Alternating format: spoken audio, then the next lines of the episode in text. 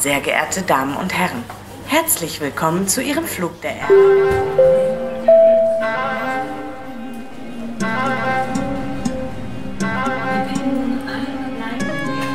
أهلا بكم في بودكاست الحياة والعمل داخل ألمانيا المقدم من معهد جوتا ويقدمه لكم راوية خضر من تونس فرح بعلبكي من لبنان وأنا رشدي من مصر أهلا بكم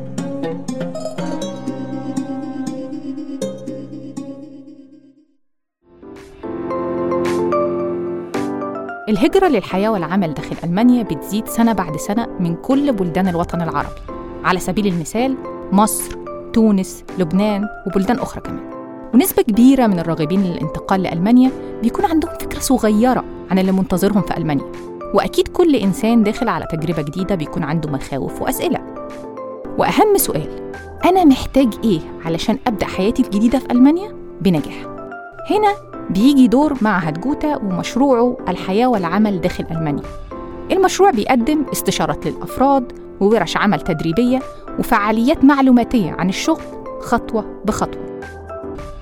من خلال بودكاست الحياة والعمل داخل ألمانيا هنعرف كل الخطوات للتقديم للعمل والفيزا ومستوى اللغة المطلوب بالإضافة لقصص ناس خاضوا تجربة السفر ونجحوا ضيفنا النهاردة من لبنان كان ليه تجربة لها جوانب إيجابية كتيرة بتخلينا نكسر الكثير من الأفكار النمطية عن السفر لألمانيا. اسمي ربيع سعيد عمري 34 سنة بشتغل كمستشار طبي لشركة معدات طبية مخطط إنه أنقل على ألمانيا لأشتغل بذات المجال يلي هو مستشار طبي كمان لشركة معدات طبية. ممكن تشاركنا إمتى بدأت التفكير في السفر لألمانيا وليه بقى اخترت ألمانيا بالتحديد؟ كمان حابة إنك تحكي لنا عن بداية التجهيز للسفر وإيه هي الحاجات اللي ساعدتك؟ بحكم شغلي نحن مركز التمرين بالشركة هو موجود بألمانيا. فكان اول رحلة لإلي بسنة 2018 كان في عندنا تمرين لمدة أسبوعين بألمانيا. التقيت بزملاء المان وكانوا بيعرفوا شوي عن الوضع بلبنان. ما كان في كثير استقرار آه، وقتها أمني. ما كان في بعد مشكلة اقتصادية. سألوني إنه ليه ما بتجي على ألمانيا؟ في Make it in Germany program كثير واضح. فيك تلحق الخطوات خطوة خطوة. شهادتك معترف فيها بألمانيا وكثير مطلوب هذا مجال العمل فما عليك إلا تتعلم ألماني. بلشت أعطوني كم websites في أتعلم عنهم ألماني منهم Deutsche Welle.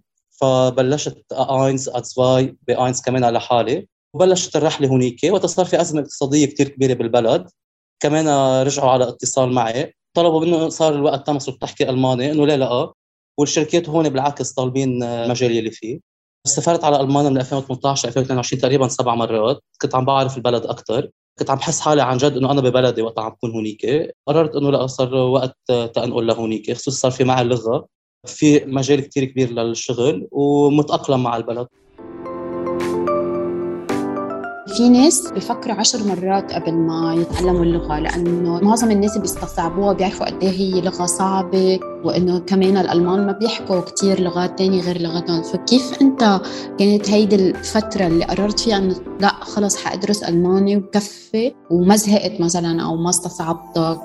كل شيء نتعلمه جديد بالآخر بده يكون صعب. بغض النظر شو هي إن كانت لغة إن كانت رياضة إن كانت سواقة يعني كل واحد أول ما بده يقطع بشيء جديد بده يفكر له صعب. فبالممارسه لا الألماني بأولتها شوي يمكن غريبة بتكون عنا لأنه منا معودين عليها بس وانس نحن بنتعود على اللغة اللغة كثير هينة فيها كثير كلمات مركبة فيها كلمات جاية من اللغة الفرنسية فيها كلمات جاية من اللغة الإنجليزية منا كثير بعيدة عن اللغات الباقيين حتى بالعد كثير قريبة على العربي 34 بالألماني في und 30 يعني منا كثير بعيدة عن العربي بالعد ومنا كثير بعيدة عن الفرنسي والإنجليزي ببعض الكلمات.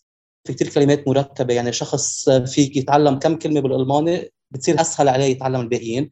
في بس الجرامر أكيد بالقواعد اللغة. مجرد واحد مارس أكثر وعمل تمارين أكثر بده يصير معود عليها. ورشة كتابة السيرة الذاتية المقدمة من مشروع الحياة والعمل داخل ألمانيا في إطار النشاطات اللي بيقدمها المشروع كانت من أهم الخطوات اللي ساعدت ضيفنا في تحضيره للسفر وشاركنا عن دورها في إمداده بالمعلومات المهمة. في بلبنان صفحة لموقع Goethe Institut معهد Goethe فنحن أكيد بنتابعه دائما وحاطين notification on فكان في منشور على الفيسبوك إنه لكل الناس المهتمين to join هيدا الورشة إذا بدك بس يبعثوا رسالة by email هذا اللي عملناه. أول شيء بنصح كل شخص بده يروح على ألمانيا عن جد يحضر هيدي الورشة. أول شيء كلنا محضرين سيرة ذاتيه بالنسبة لنا إنه بتناسب كل البلدان.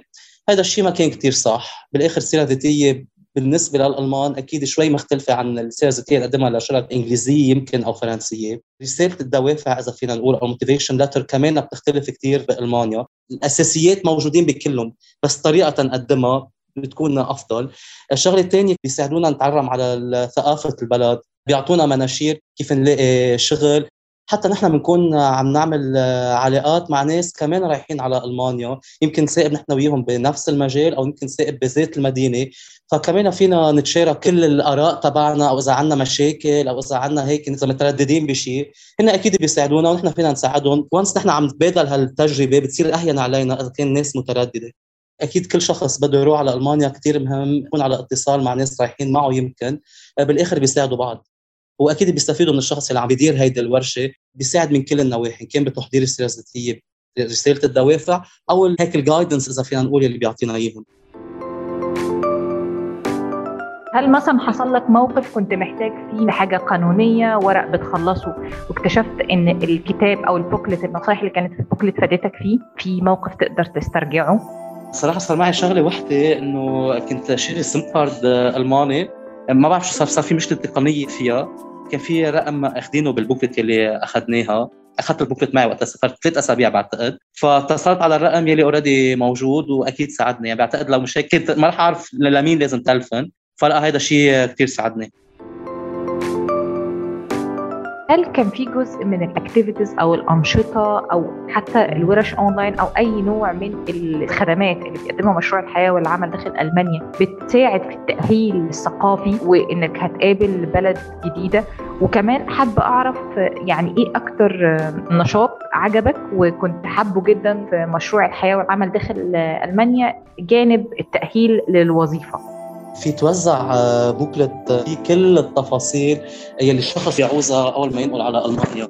بهيدا البوكلت بيشير كل شيء ثقافي كمان كيف بيكون التعاطي مع الزملاء بالعمل. بعتقد ما في ابدا بلد عنده هيدا إذا بدنا نقول التنظيم يلي بيعطينا الناس اللي بدها تروح. يعني آه، بيحكوا عن آه، في البوكلت في, في قسم عن التدريب المهني كيف الشخص بيعدل شهاداته آه، كيف بيعمل المقابلات الشخصية مع الشخص. حكيونا عن مكان العمل حتى نحكى عن تكوين العائلة الحياة مع الأطفال عن تعدد اللغات الحياة اليومية. حكى عن البنوك بالتفاصيل كيف شخص يتأمن صحيا عن النظام الصحي الموجود. انحكى كثير عن الفرقين أو الكلوبس اللي موجودين بألمانيا وكيف الشخص ينخرط آه، فيهم.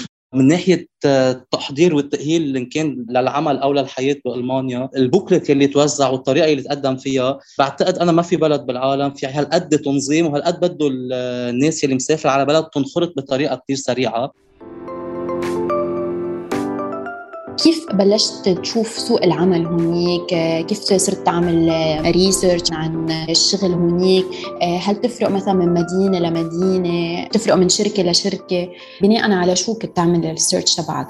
أول شيء أول ما أخذت قرار إنه على ألمانيا كنت ب contact مع ال Agentur für Arbeit حتى بس آه، قبل ما اخذ هيدي الخطوة أتأكد إنه أنا المجال اللي بشتغل فيه هو مطلوب بألمانيا. وهذا الشيء كثير منيح إنه عن جد بيردوا بطريقة كثير سريعة وهن بيقدروا يعطوا ال guidance إذا العمل تبعنا مطلوب أو لأ وبيعطونا some hint شو لازم نعمل كيف نعدل شهاداتنا شو المستوى اللغة اللي مطلوب. فمن بعد ما اجى الموافقة إذا فينا نقول المبدئيه إنه أنا شغلي مطلوب فتت على Glassdoor I subscribe كمان استعملت ال LinkedIn كثير سهل آه، نكون ب contact مع recruiters مع ناس هن بيوظفوا مع شركات هي بتوظف لشركات ثانية بمساعدة ال LinkedIn Make it in Germany Agentur für Arbeit أو حتى ال job boards كلهم اللي موجودين. من السهل جدا شخص يكون محطوط ب contact مع آه، أرباب عمل Make it in Germany بحطوا شو المجالات اللي أكثر شيء مطلوبة بألمانيا وهذا الشيء أكيد بيساعد كل شخص يعرف هو قد إيه حظوظه انه يلاقي شغل وقت ينقل على بلد جديد. يعني حاطين المجال الطبي الهندسة المهن الحرة أو حاطين شو المقومات لشخص ينقبل. فمن ناحية آه، واحد شخص يلاقي شغل بألمانيا كل شيء موجود اونلاين كان Make it in Germany أو حتى فيهم يتواصلوا مع job boards أو حتى ال Agentur für Arbeit هل أنت قمت بمعادلة الشهادة بتاعتك؟ مزبوط أكيد. إجراءات بقى المعادلة هل ساعدوك فيها؟ عملت فيها إيه في إجراءات المعادلة؟ أنا عملتها لحالي. بالآخر فينا ناخذ موعد عبر ال VFS بلبنان. في مشكلة أكيد المواعيد مش دائما available بيفتحوا كل فترة بيكون في عدد معين من الأماكن شخص يقدر يقدم. والمعادلة بتجي خلال 10 أيام maximum في سهولة كثير كبيرة بتعديل الشهادات. هيدي إذا عم نحكي نحن بالطريقة اللي بدنا نمشي فيها عادي. إذا لقى فيهم عبر ال Agentur für Arbeit بيندفع مبلغ معين وبيتعدلوا كمان الشهادات عبرهم بلا ما شخص يكون عم ينطر حتى ياخذ موعد ومن بعدها يجي المصادقة أو الموافقة على الشهادة. فحسب الشخص قد إيه مستعجل حتى تعدل شهادته أو لا.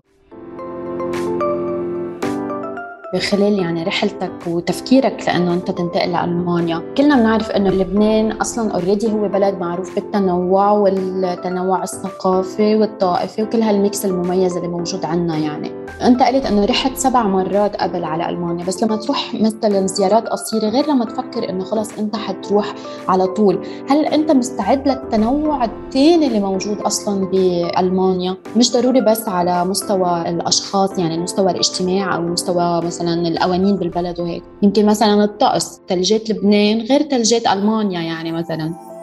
أنا الهدف كان بالزيارات السبعة إنه أكون عم بعمل علاقات وكون ب contact كثير قريب مع كل ال locals فينا أو مع الألمان اللي موجودين بالبلد. هذا الشيء كان بالعكس يعني أول شيء أشخاص بيتقبلوا التنوع. إن كان بمجال العمل لأنه كان عم بيكون في عندي workshops إذا فينا نقول موجودين بألمانيا.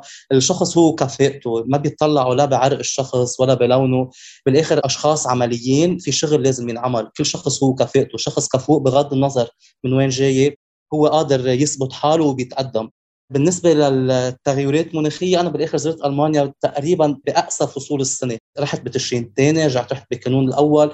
أكيد إذا بدنا نحكي عن شمال ألمانيا كان هامبورغ أو شفيغين هيدي مناطق أكيد فيها كثير سقعه بس بالآخر indoors ما بتحس بهيدا الفرق. outdoor شخص في يلبس. يعني منه هيدا السقعه منا عم نحكي بلدان أسقع بكثير من ألمانيا والعالم عم تتاقلم فيها. بالوسط ألمانيا أكيد الطقس عم بيكون اضبط بس كثير مقبول الطقس بألمانيا. أكيد الشخص بياخذ كل الوقاية لها على صعيد التنوع الثقافي بالآخر آه، ألمانيا بلد multiculture ما بقى بلد في بس ألمان.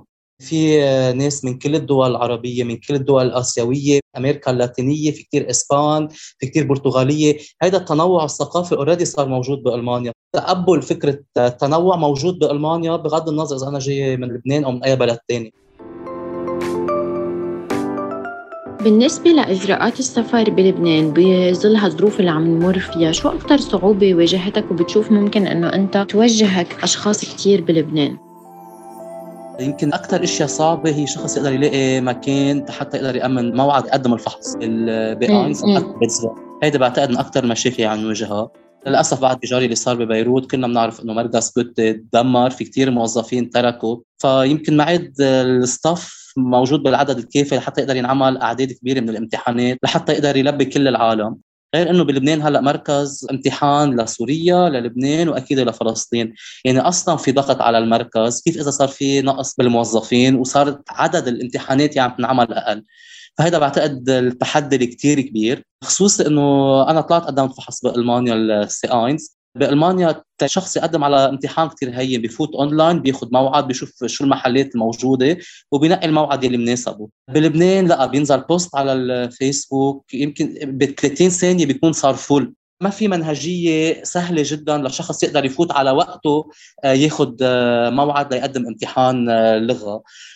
يعني إذا شخص كان بالشغل ما كان معه تليفونه نحط الإعلان ب 30 ثانية ما بقى في محلات ما لحقوا يعرف إنه في فحص لغة بيكون ات ما رح يلحق يحجز مقعده. هيدا بعتقد كان تحدي كثير كبير. الشغلة الثانية بألمانيا كانت بخلال أول زيارة رايح وفي perception إنه منه كثير easy going الشعب آه، عنده شوية تعصب. يلي صار كان شيء كثير غريب. يعني كنت بهامبورغ بتذكر كثير منيح. كنت راجع عشية على البيت كان في couple رجل ومرته كبار شوي بالعمر. من حديث لحديث من حديث لحديث خلصنا ال discussion عزموني على ال dinner اللي عندهم على العشاء اللي عندهم على البيت. يعني أنا حدا شخص غريب بالآخر عن البلد ما كنت بعد بحكي لغة ألمانية. هيدي أول مرة بكون بالبلد. هالقد الشعب عن جد كثير بعقدوا يعني أنا أروح على منزل ناس ما بعرفهم رحت أتعشى عندهم من أول يومين ثلاثة موجود بهامبورغ. من هون بعتقد في بيرسبشن كثير نحن منا كثير مضبوطه ما أخذينها عن البلد وعن الشعب. بعتقد هذا كان حافز جديد إنه لأ هذا المحل أنا بقدر أعيش فيه وكثير مرتاح. قد إيه بتقدر مثلا تلاقي بيت تسكن فيه؟ يعني سهله أو صعبه ما رح نضحك على بعضنا فرح. أكيد قصة المسكن بألمانيا كثير صعب ولو منا صار ما كان في هلأ مشروع بالحكومة الجديدة لبناء مليون وحدة سكنية جديدة. بالمدن الكبرى غير إنه ما في كثير عدد كبير من البيوت مأمن الأسعار عم بتكون كثير غالية. بعتقد إذا شخص قادر يعيش ب WG لأول فترة أو shared apartment بعتقد رح يكون شيء أسهل من إنه شخص يقدر يلاقي شقة عن بعيد. وقت شخص يصير بألمانيا يمكن بتصير أسهل شوي بس أكيد قصه السكن منه شيء كثير هين. فلها السبب بعتقد WG أول فترة أو يمكن واحد يحجز أوتيل لأول أسبوعين أو لشهر. رح تسهل عليه كثير وقت يوصل على ألمانيا يقدر يفتش على الأبارتمنت اللي بيناسبه وأكيد بالسعر اللي هو بيناسبه بس أكيد ضمن المدن الكبرى الأسعار أكيد كثير غالية. لو كانت في مخاوف قبل السفر والمخاوف دي مثلا أنت ناقشتها مع حد من المسؤولين عن البرنامج أو إن المخاوف دي لما راحت ألمانيا اتغيرت. لأن أحيانا إحنا ما بنروح أي مكان بيبقى عندنا أمل حاجات بنتمناها كتير وكمان عندنا مخاوف. لو تقدر تشاركنا حاجة زي كده وكمان موقف لو أنت شايف إن هو إلى حد ما خضك أو كان زي ما بيقولوا كده بالعربي الصدمة الحضارية هل حصل معاك زي كده؟ يمكن الشيء اللي ساعدني قبل ما أروح على البرنامج أنا كنت عدة مرات على ألمانيا. كان في عندي فكرة واضحة عن الحياة اليومية. شكرا لكم لاستماعكم لبودكاست الحياة والعمل داخل ألمانيا. من تقديمي أنا رشا ديب وبرعاية معهد جودة.